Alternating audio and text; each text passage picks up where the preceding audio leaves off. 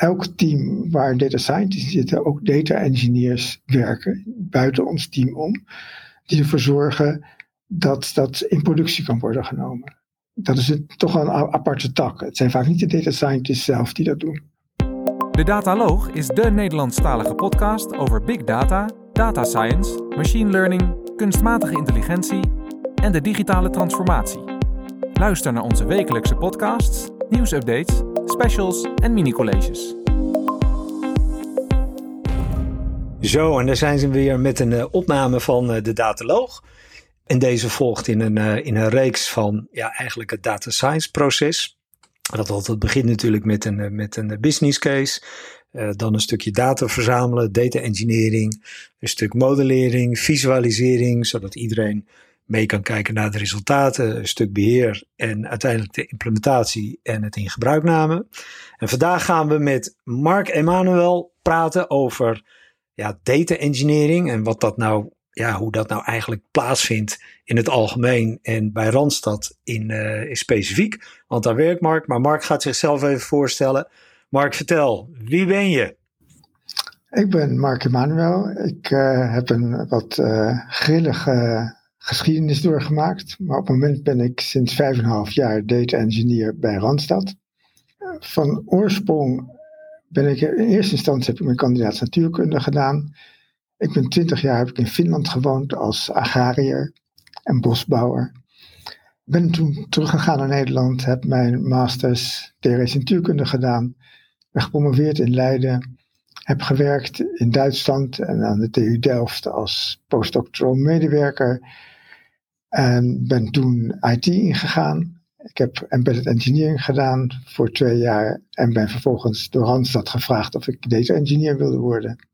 Ja, je moet natuurlijk wel even die, die, die beslissing van het bosbeheerder naar, terug naar Nederland, eh, Mark. Want dat is wel een hele bijzondere. Ja, nou, dat, dat, was ingegeven voor een groot deel door het toetreden van Finland tot de Europese Unie toen werd een groot deel van ons inkomen kwam afhankelijk van directe steun uit Brussel. En het was niet zo erg uh, uitdagend meer om goed je best te doen als agrariër. Want dat maakte niet voor, had niet veel invloed op je inkomen. Dus dacht ik, ik wil wat uitdagenders gaan doen. En toen ben je maar gaan promoveren. En toen, toen ben ik een masters gaan doen. En vervolgens, dat ging heel goed. Toen dacht ik van, nou, dan moet ik ook gaan promoveren. En je zei van, uh, van IT naar data engineering. Kan je daar eens wat over vertellen? Wat is, die, ja, wat is eigenlijk de, de relatie of de overeenkomst? Of is het, hè, want er wordt vaak allerlei discussies gevoerd van data science moet niet bij IT. Dat moet een aparte afdeling of moet bij marketing. Hoe zie jij dat? Ik denk, ja, als data scientist, ja, je, je, je, moet, je moet ook kunnen programmeren. Het is, uh, dus, voor, dus ik denk ook voor een data scientist is een IT-achtergrond is essentieel. Het is zeker zo dat, eh, dat je voor data science wel gedreven moet worden door vragen van de business. Het is niet zo dat je geheel blank naar een dataset kijkt en daar probeert iets van te voorspellen. Het moet ook iets resultaat opleveren. Dus, je, dus je hebt zeker inzichten in de business nodig. Ja, want dat is eigenlijk een mooi bruggetje naar Randstad. Als ik naar Randstad kijk en ik heb er ook uh, wat mogen rondlopen, dan, ja, dan barsten jullie natuurlijk van de data. Ik, ik, weet niet hoeveel kandidaten zich jaarlijks aanmelden bij Randstad. En dan moet je natuurlijk zo wat vertellen over GDPR, hoe jullie daarmee omgaan. Maar dat zijn duizenden en duizenden. Kan je iets vertellen over ja, wat, is de, wat doet Randstad? Wat, wat doet Randstad met data? Wat kunnen ze nog doen? Wat, wat is de stand van data binnen Randstad? Het is heel erg veranderd. Uh, het was natuurlijk uh, zo, toen ik bij Randstad binnenkwam, toen was het nog niet echt het besef doorgedrongen dat het meer data-driven moest worden.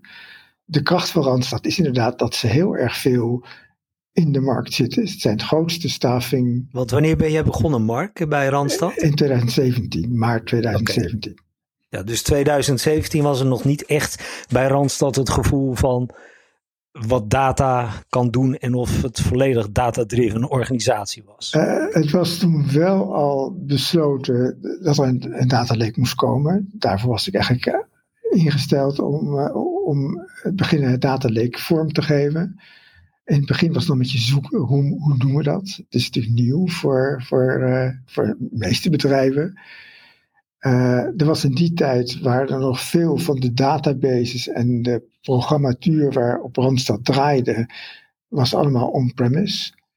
Dat is toen ook besloten om het allemaal in de cloud te zetten. Dus het, het, was wel, het besef kwam wel langzamerhand dat er meer met data gedaan moest worden.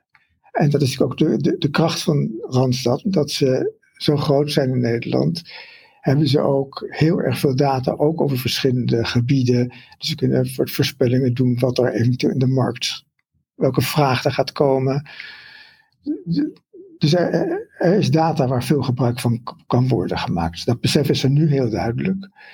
Het, ook, het datalek is ook heel centraal geworden binnen Randstad. In het begin was het meer een soort van ja. Er, wordt geen, er was geen noodzaak om data daarin te zetten. Wij moesten het uittrekken uit de systemen. Tegenwoordig komen alle systemen bij ons en zij willen hun data in een datadek krijgen. En, en eh, je zei net al van, het moet altijd beginnen met een business case. Ik heb ooit een project gedaan waarbij inderdaad dat bedrijf ook zei, we willen alle data in het data lake hebben. Waarbij, wij, eh, waarbij ik zei van, joh, ga nou eerst beginnen met een klein projectje. Kijk eens wat de toegevoegde waarde is. En, en die data stop je in een lake of in de cloud noem maar op. Hoe is dat bij jullie gegaan? Is dat met een business case begonnen, klein? Of is het, nee hoor, we willen alle data verzamelen in een lake? Kan je daar iets over vertellen? Uh, nou in het begin was er dus helemaal geen noodzaak voor alle systemen die we hebben om hun data in de datalake te zetten. Dus wij zijn zelf naar de belangrijkste systemen gegaan waar alle transacties, normaal lopende transacties in worden gedaan. En we hebben het zelf leeggetrokken in een data lake. Op het moment hebben we, uh, ben ik van mening, aangezien opslag heel goedkoop is, dat we in principe alle data binnen het lake moeten houden. En vasthouden, ook de historie van opbouwen.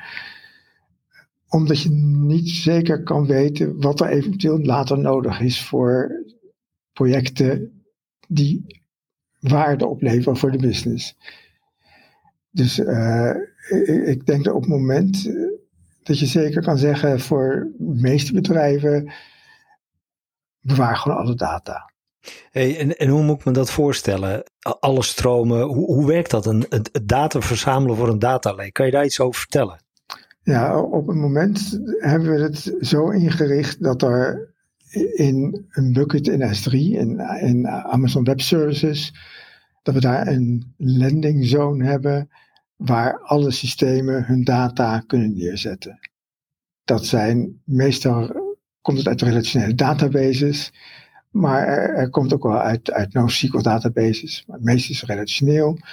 Dat zijn of in CSV of in Parquet, in een bepaald formaat wordt het neergezet en wordt door ons opgepakt in het uh, data lake gezet. Dus een bepaalde stromen, pipelines die we hebben, die ervoor zorgen dat het op de juiste manier wordt neergezet.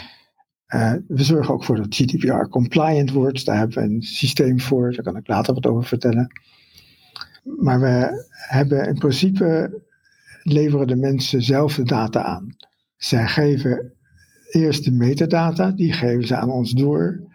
Die metadata zetten wij in een aparte database. Daar hebben we een app voor die dat beheert. Uh, op grond van die metadata checken we altijd of de data die binnenkomt overeenkomt met de metadata. Die metadata heeft ook beschrijvingen van alle velden die erin zitten, van alle data, zodat het ook gebruikt kan worden.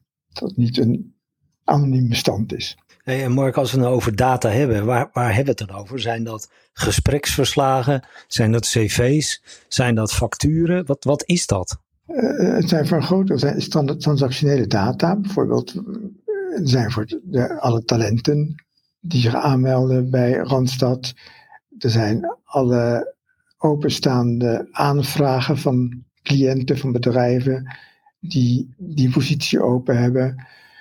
Uh, er zijn planningsroosters van bedrijven. Er worden, voor het, door Randstad ook planningen gedaan voor als er grote groepen mensen werken bij een bedrijf, hoe ze in shifts kunnen door, doorstromen. Het zijn, het zijn, uh, dat zijn de belangrijkste bronnen. Hey, en en uh, oké, dan zie ik die buckets en dan zie ik al die data erin. Hè? Hoe zorgen jullie er nou voor dat, stel ik kom met een business case, ik werk bij Randstad, ik kom met een business case die ik opgelost wil hebben, waar wat staat? Nou, we, we hebben dus, uh, een datacatalogus, dat is die metadata, waar de metadata in staat. Die heeft een interface waar mensen kunnen zien welke tabellen er allemaal staan. Er zijn onderverdeeld in bepaalde namespaces. Dat zijn per applicatie heeft zo zijn eigen namespace. Er staan bij alle tabellen staan de kolommen in met de beschrijvingen. Maar het is natuurlijk heel veel. Dus als je er blank in komt, dan moet je eerst weten hoe zitten die systemen in elkaar. We zijn op het moment bezig om een algemene modellen te krijgen die soort gestandardiseerd worden. Dat niet elk systeem zijn eigen uh, begrip heeft van een, een, naam voor, voor een datumveld of voor een uh, talent. Dat een talent ook overal een talent is en niet op sommige plekken een medewerker, aan andere plekken een talent. Dus er, er zijn bewegingen in om die verschillende systemen beter op elkaar te laten aansluiten. Maar op het moment is het zo dat, dat de beschrijvingen van de metadata vrij compleet is. Dus je kan in principe zoeken op metadata. Hey Mark, uh, nou heb je een business case hè?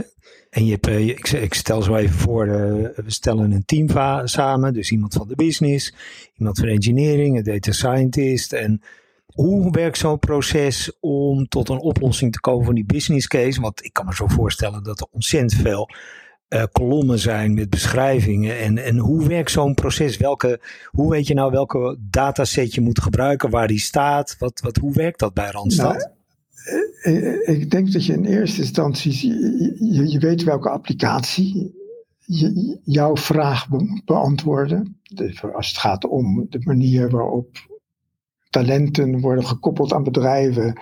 Daar zit een, is, een, is, een, is, een bepaal, is een vrij grote applicatie. Die heeft zijn eigen database. Die levert de data aan.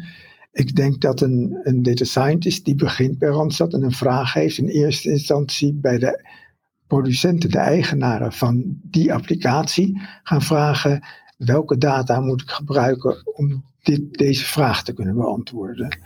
Dus als je voor wil weten wat is het uurloon voor een bepaald, bepaalde positie, waar kan ik dat vinden? En ik denk dat dat de, belangrijkste stap is uh, die een data scientist zou gebruiken. Je, je, moet bij de producent zijn. Niet, niet bij Data Lake. Data Lake zelf heeft geen, geen echte kennis van de data. He, hebben, ze, hebben we wel, maar hoeven we niet te hebben. Nee, en, en is dat alleen maar Randstad data of wordt in dat data lake ook open data verzameld in de zin van uh, weerdata of uh, nou, noem maar op wat van invloed kan zijn op het aannemen van mensen? Ja, er wordt voor data van, de, uh, van alle openstaande vacatures in Nederland wordt verzameld.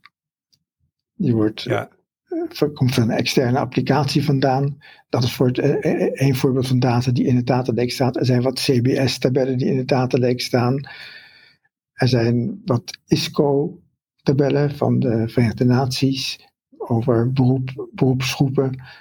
Die staan in het datalake. Uh, er zijn nog wel meer. Er zijn data van alle bedrijven met een Kamer van Koophandelnummer en verschillende bedrijfseigenschappen staan in het datalake. Duidelijk. Hey, en je zei, hè, jullie zijn er echt een beetje fanatiek mee bezig 2017. Dat is best nog wel kort. In de zin van, uh, er moeten selecties gemaakt worden van software en hardware, noem maar op. Kan, je een, een doorkijkje geven waar jij denkt dat Randstad in de toekomst staat met betrekking tot data? Zijn er machine learning algoritmes die studenten die afstuderen een soort uh, carrièrepad geven? Uh, zijn er matching algoritmes die mensen die, de, nou, die eigenlijk de headhunters vandaag de dag gaan vervangen? Kan je ons een beetje een doorkijkje geven naar de, de spannende mogelijkheden die Randstad heeft? Ja, nou matching algoritmes die, die zijn al. Er zijn, is een, een team dat zich speciaal richt op het maken van matching algoritmes. Dus ik denk dat één ding waar we in de toekomst Randstad naartoe beweegt, is dat ze proberen om talenten die zich bij Randstad aanmelden, hun hele carrière door te laten ontwikkelen. Dus te kunnen sturen, wetende wat de arbeidsmarkt zich, hoe zich gaat ontwikkelen. Daar hebben wij natuurlijk een vrij goede kijk op. Daar kunnen we modellen voor bouwen om daar een goed inzicht in te krijgen. En dan kunnen we aan talenten de mogelijkheid geven om een bepaalde opleiding te volgen, om zich alvast voor te bereiden op de stap naar wat in de toekomst belangrijk gaat worden. Ja. Dus dat zijn, dat zijn bewegingen die denk ik steeds belangrijker gaan worden. Dat we, dat we de talenten ondersteunen in hun carrière. Gaaf. Hey, dat, dat was een beetje een algemeen wat doet Randstad met data en wanneer zijn jullie begonnen en hoe werken interne processen en welke data verzamelen jullie? Deze podcast gaat met name echt over data engineering en de data lake. Kan, kan je ons eens meenemen in die, in die selectie die je toen hebt meegemaakt van hoe, hoe gaan we dit nu opzetten? Wat, wat hebben wij nodig en waarom kiezen we voor die oplossing? Ja, eh, dat is een eh, interessante. Uh, voordat ik naar, bij Randstad kwam, was er aan de eerste opzet van een data lake gezet on-premise in een zelf-managed Hadoop cluster. Nou, dat was niet echt een groot succes. Er was geen ervaring mee. Het heeft veel onderhoud nodig. Toen werd besloten om de cloud in te gaan. Voordat ik bij Randstad kwam, was er een, een consultancy die het toenmalige data engineering team gestuurd heeft om Redshift te gaan gebruiken. Het is een uh, columnaire analytische database, die eigenlijk meer geschikt is als een data warehouse, maar daar werd voor gekozen. Daar ben ik toen ingesprongen om dat eerst te gaan ontwikkelen. Dat hebben we uh, tot op heden, draait nog steeds dat Redshift cluster, maar we zijn het aan het afbouwen. We hebben zo'n twee jaar geleden uh, hebben we besloten om het data lake over te zetten naar S3 toe. Op, op Waarom? Waarom maar? Kan je dat weer aangeven? Ja, uh, daar zit uh, één reden is dat je in een relationele database uh, lastig niet relationele of semi-gestructureerde of ongestructureerde data in kwijt kan. Plus je, zit, je, je, je bent heel erg gebonden aan de datatypes zoals ze gedefinieerd zijn in die relationele database. De vertaalslag van één relationele database naar een andere relationele database is niet echt simpel. Er kunnen bepaalde string, varchar lengtes, die kunnen verschillende definities hebben in één database dan in een andere database. Dus je moet het gaan omschrijven. Data die komt uit NoSQL databases, MongoDB of vergelijkbare, die hebben geen vaste lengte in hun strings. Ja. Dus dan moet je maar inschatten welke lengte je meegeeft aan je data als het in de Redshift moet komen. Dus dat, dat, is al, eh, dat zijn belangrijke redenen om het erin te krijgen. Verder wil je graag, eh, dat, was in, dat kan tegenwoordig met Redshift wat beter, maar Redshift heeft toch zijn compute tamelijk vastgekoppeld aan zijn opslag. En wij willen de opslag helemaal apart houden. Duidelijk. S3 is daar heel geschikt voor, is heel goedkoop. Je kan heel veel data in kwijt. En dat is uh, echt de belangrijkste reden om naar S3 over te gaan. En kan je iets vertellen over hoe dat, hoe dat transferproces is gegaan? Ging dat makkelijk? Ging dat met horten en stoten? Het transferproces van Redshift naar S3, naar het ontwikkelen van S3, dat, dat heeft wel wat voeten in de aarde gezet. Uh, niet zozeer de, de overgang. De overgang is heel soepeltjes gegaan. We draaien de systemen parallel. En uh, we konden daarmee ook vergelijken of ons S3-data lake betrouwbaar genoeg was. Of de uiteindelijke resultaten die we kregen, de, de, de, de, de toestand van de tabel zoals die op dit moment is, dat is een, een belangrijk, een belangrijk uh, deel van de data lake. Die konden we met Redshift en S3 vergelijken. En als daar discrepanties in waren, dan was er iets mis met onze flow. Dus we konden dat makkelijk op die manier tunen. Het is wat lastiger om alle consumenten over te laten gaan van Redshift naar S3 toe. Duidelijk. Het is een andere query engine. Dus je hebt een andere, je gebruikt een klein beetje een ander dialect van dezelfde taal, om, om het te noemen. Uh, en dat, dat zijn mensen die er problemen mee hebben. Dat, dat, dat duurt. En uh, Mark, je zei van de data hangt in de cloud. Jullie hebben niet voor een hybrid model gekozen. Nee, daar is voor gekozen om alles in de, in de, in de cloud te zetten. Ja, en dat, dat uh, er wordt vaak gezegd, uh, bepaalde data die is uh, zodanig GDPR gevoelig, die willen wij lokaal hebben, dus een hybrid model. En waarom hebben jullie daar niet voor gekozen? Ja, het is niet zeer mijn keuze geweest.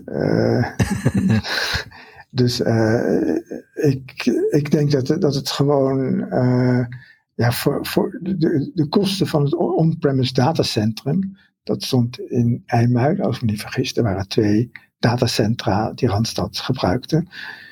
Die is vrij hoog. Ja. Dus die, die kosten wilden ze vanaf. Ja. Nou is Randstad, Groep Nederland, die heeft gekozen om in Amazon Web Services te gaan. Randstad Groep Global, die zit in GCP, in Google Cloud oh. Platform. Oh jee. Dus er zit ook een global data lake, dat heet de Data Ocean. Die, die is in, in BigQuery, in GCP.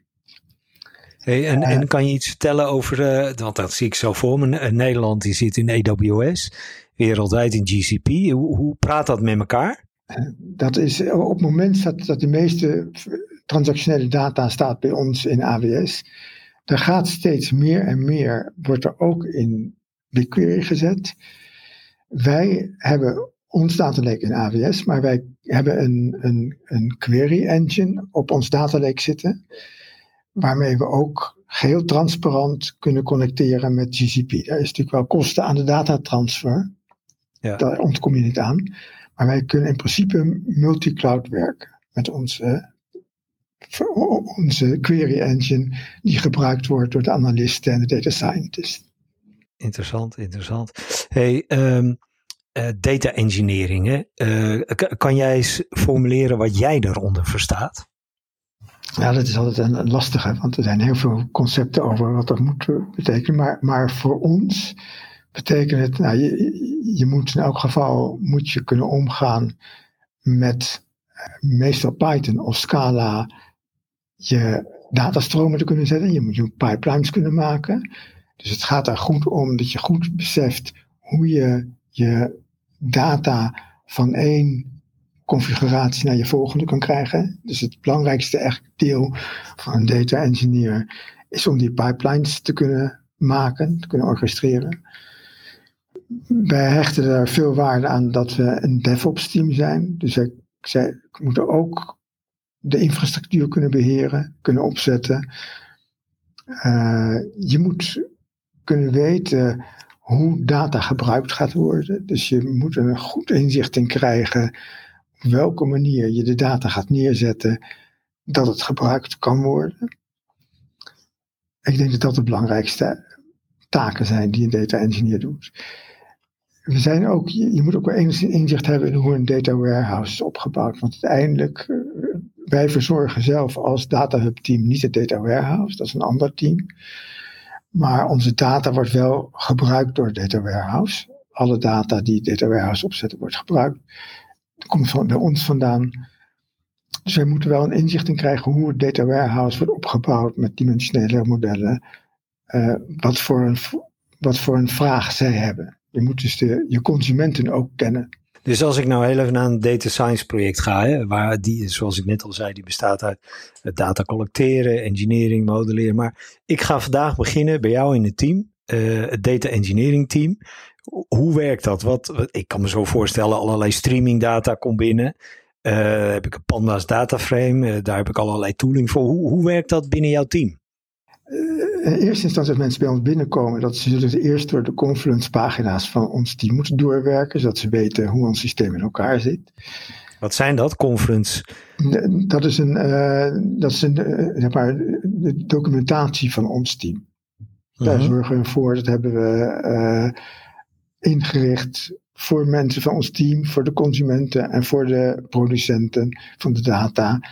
Dat ze instructies hebben hoe ze moeten omgaan met ons data lake. Nou, het is belangrijk dat ze een goed inzicht hebben hoe onze scheduler werkt. Dat is Airflow. Dus ze moeten, ze moeten thuis raken of al zijn als ze als meteor of senior binnenkomen met Airflow. Ze moeten om, kunnen omgaan. Kan, kan je iets vertellen over Airflow? Dat is een onderdeel van het AWS-systeem. en wat doet dat precies? Nee, Airflow is, is, een Apache open source project dat wij uh, hebben draaien in een, in een Docker container, in een cluster, in een ACS cluster. Het is een scheduler. Het is eigenlijk de belangrijkste scheduler die er op het moment gebruikt wordt.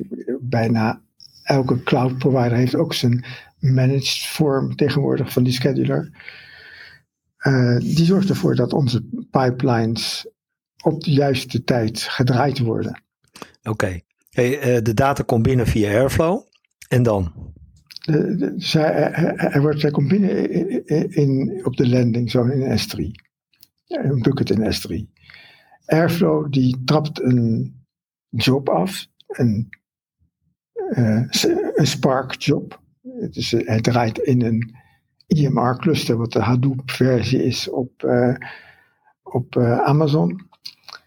En pakt die data op, zet hem neer, checkt in die, in die Spark job of de data overeenkomt met het metadata zoals die gedefinieerd is in onze datacatalogus.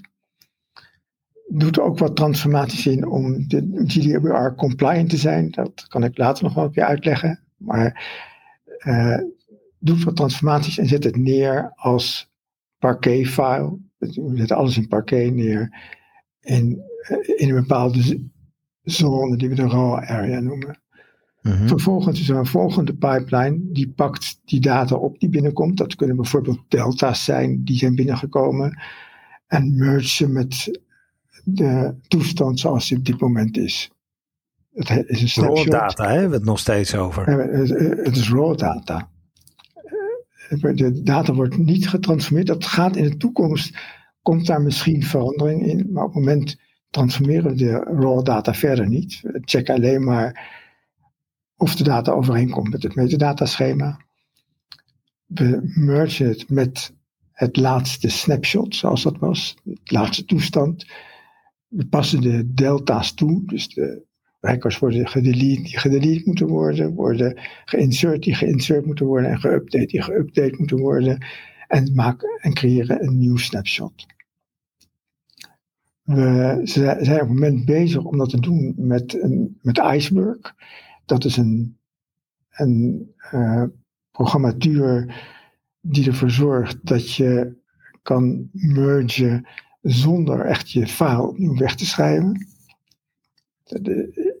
Het is ook met name handig omdat je kan time travelen, je kan, er zijn allerlei voordelen aan. Maar dat is een reden dat we dan dat iceberg formaat gaan, gaan kiezen.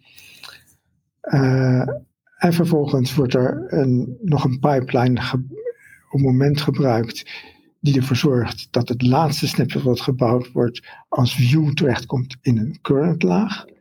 Dat gaat later de iceberg laag worden, maar op het moment nog een current laag. En die current laag die wordt het meest gebruikt door analisten en data scientists en het data warehouse. Hey Mark, dat is allemaal raw data, dus die kolommen die worden allemaal gevuld hè, als de metakolommen goed, goed eh, passen.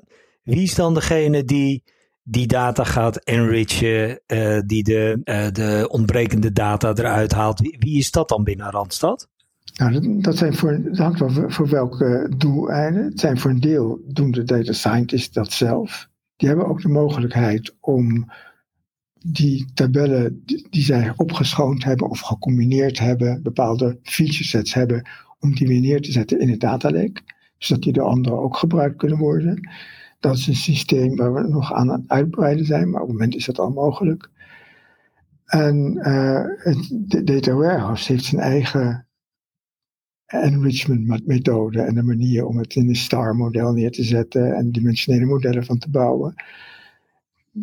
Dat, dat doen wij niet. Wij, wij, bij ons is het, blijft de data in principe raw. Ja, dus uh, die, die data scientist, hè, die is gedeeltelijk ook data engineer, uh, afhankelijk van het project wat, uh, wat gedraaid wordt. Dus hij is ook degene die echt dat data engineering gedeelte, wat toch 70, 80 procent vaak van een project is, daar is hij verantwoordelijk voor. Er is niet een echte scheiding binnen Randstad van een engineer en van een scientist. Ja, ja, de data scientist die is voornamelijk bezig in een Jupyter Notebook, dat wij ook, wat wij wel verzorgen. Wij kunnen Jupyter Notebooks uh, in, in de cloud starten en daar toegang toe geven. Uh, ze hebben de mogelijkheid om een scheduled unload te doen van ons data lake naar een eigen project toe. Dan kunnen ze ook per persoonsgegevens in krijgen als ze daar toestemming voor hebben. En zij kunnen met een Jupyter Notebook modellen gaan bouwen. Als ze het model gebouwd hebben, daarnaast heeft elk team waar data scientists zitten ook data engineers werken buiten ons team om, die ervoor zorgen dat dat in productie kan worden genomen. Dat is het, toch wel een aparte tak. Het zijn vaak niet de data scientists zelf die dat doen. Ja, hey, als, je, als je nou dit hele proces nog eens in je hoofd de revue laat passeren. Wat, wat zijn nou de pitfalls? Wat zou je nou anders gedaan hebben? Of, of is dit de weg die jij ook gekozen zou hebben? Uh, nou ja, die, die, die uitstap via Redshift die was wat uh, onnodig geweest. Dus dat zou ik zeker in hindsight, uh, maar dat wist ik toen ik begon, had ik er heel weinig inzicht in. Zou ik dat nooit gekozen hebben, maar rechtstreeks naar Redshift, naar S3 zijn gegaan. Er zijn nog dingen te verbeteren in de manier waarop data scientists hun modellen, waar, waar wij de mogelijkheid toe geven om die via SageMaker, dat zijn Jupyter Notebooks, op te kunnen zetten, om die op een snellere manier in productie te krijgen. Er zijn wel systemen voor. Eh, AWS heeft zijn eigen infrastructuur, SageMaker, om die modellen in productie te krijgen. Maar dat zal zeker nog wel een slag efficiënter kunnen. Er is, wordt op het moment wel aangewerkt door een, een ander team is ermee bezig. En wij gaan het waarschijnlijk overnemen om een soort framework neer te zetten om heel soepeltjes je modellen die de data scientists klaarzetten om die uiteindelijk in, uh, in productie, te krijgen. Ja. en, en dan en daar gebruik je dan SageMaker voor. Dat is een soort studio met alle tooling, API's, om inderdaad snel die implementatie in het proces te doen. Ja, ja, ja. Hey, en Mark, aan hoeveel data scientisten binnen Randstad moet ik nou denken? Zijn dat er vijf? Zijn dat er vijfhonderd? Nee, nee. Het, uh, nou, ik schat op het moment zo'n vijftien mensen die zich data scientist zouden noemen. Ja. Uh, ja. Het, het, het, gaat wel uitbreiden. Ja, hey, uh, dit is natuurlijk ook in het kader van uh, uh, opleidingen om data scientist, data engineer te worden. Als jij nou mensen mag adviseren die, die luisteren en die ook een doel hebben gezet voor joh, de komende zoveel jaar gaat het daar gebeuren, dus ik wil gewoon in die data science wereld. Wat zou jij nou adviseren met, met, je, met je kennis over data lakes, SageMaker, Python? Wat, wat zou jij nou jongelui, adviseren die actief willen zijn in deze wereld. Wat is jouw advies tegen eh, voor hun? Nou, in eerste instantie proficient te worden, in elk geval in, in, in computer science, in, in, het, in het programmeren van in eerste instantie Python, maar ik zou zeker Scala er niet buiten laten. Dat je in elk geval een goed inzicht hebt hoe je een, een programmastructuur voor een team kan bouwen. Dat je, dat je goede codehygiëne hebt. Dat je weet hoe je unit tests kan schrijven.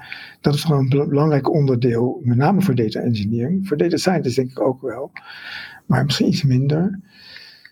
En waarom is eh, dat minder? Nou, omdat ze vaak aan een eigen project bezig zijn. Het is heel anders. Ik heb zelf mijn, mijn programmeerervaring met name opgedaan tijdens mijn studie.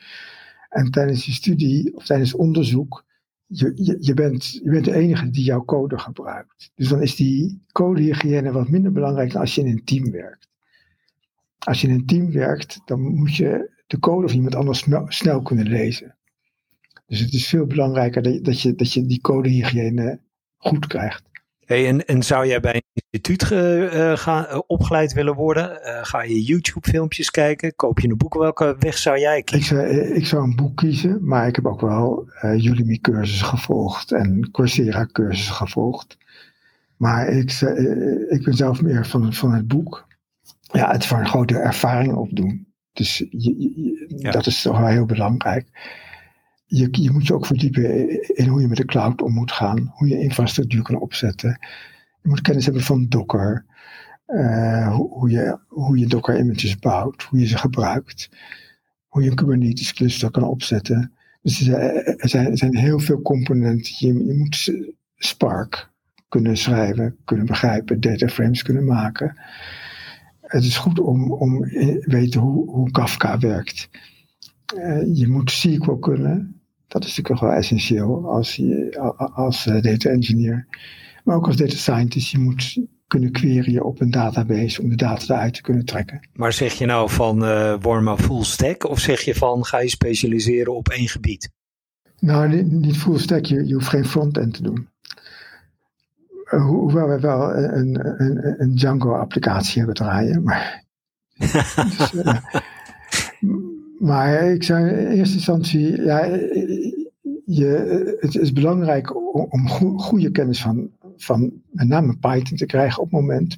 Python is toch wel de, belangrijkste taal die je als data engineer gebruikt. Zeker binnen AWS, maar dat is binnen GCP ook wel het geval. Uh, dat, dat, goed, dat goed in de gaten krijgen, hoe je dat, hoe je dat opzet. Er zijn natuurlijk allerlei componenten, maar dat is, dat is vaak heel erg, heel erg tijdelijk. Er zijn, zijn bepaalde producten die op het moment heel hip zijn, maar je weet niet of ze nog hip zijn over, over vijf jaar. Dus, ja, dus dat betekent eigenlijk dat je gewoon moet aanpassen aan de technologieën die op dat moment het meest gebruikt worden. Je, je moet continu blijven leren, want er zijn continu zijn er technologieën die op een gegeven moment outdated zijn. Ja, maar dat maakt het ook weer spannend, toch? Ja, Never a dull moment. Hey Mark, uh, uh, 40 minuten geleden zei ik tegen je, joh, de tijd gaat ontzettend snel als je allerlei interessante onderwerpen hebt. Nou, je ziet, het is alweer 40 minuten zijn verder. Uh, ontzettend interessant. Van, van boer in, Friesland, in Finland tot promoveren IT en, en nu bij Randstad. Ontzettend interessante reis. Bedankt dat je ook echt ook eens ons meegenomen hebt in ja, hoe werkt dat nou bij zo'n onderneming als Randstad? Van, van een keuze van Redshift naar eh, S3 buckets. Um, hoe, die, hoe die airflow werkt, hoe die data binnenkomt. Dat je de metadata moet aansluiten. Uh, en dat data scientists dus ook echt data engineers capaciteiten moeten hebben. Hoe dat werkt binnen Randstad. Vreselijk interessant. Ontzettend bedankt. En uh, ik ga je blijven volgen. Want bij Randstad gaat natuurlijk van alles gebeuren op het gebied van data. Mark, bedankt. Graag gedaan. Bedankt voor het luisteren naar deze uitzending van de Dataloog. Vond je onze podcast leuk, goed, interessant of wellicht te veel ene en nullen? Laat een review achter of geef thumbs up. Heb je vragen of opmerkingen? Kijk dan ook eens op www.dedataloog.nl. Hier staan ook de show notes van alle uitzendingen. Je vindt onze nieuwe uitzendingen wekelijks op iTunes, Stitcher, Spotify en alle andere bekende podcastplatforms. Alles wat wij maken doen we onder Creative Commons. Je mag alles hergebruiken voor niet-commerciële doeleinden, zolang je ons als bron maar noemt. Volg ons op Twitter op @dedataloog. Graag tot de volgende keer.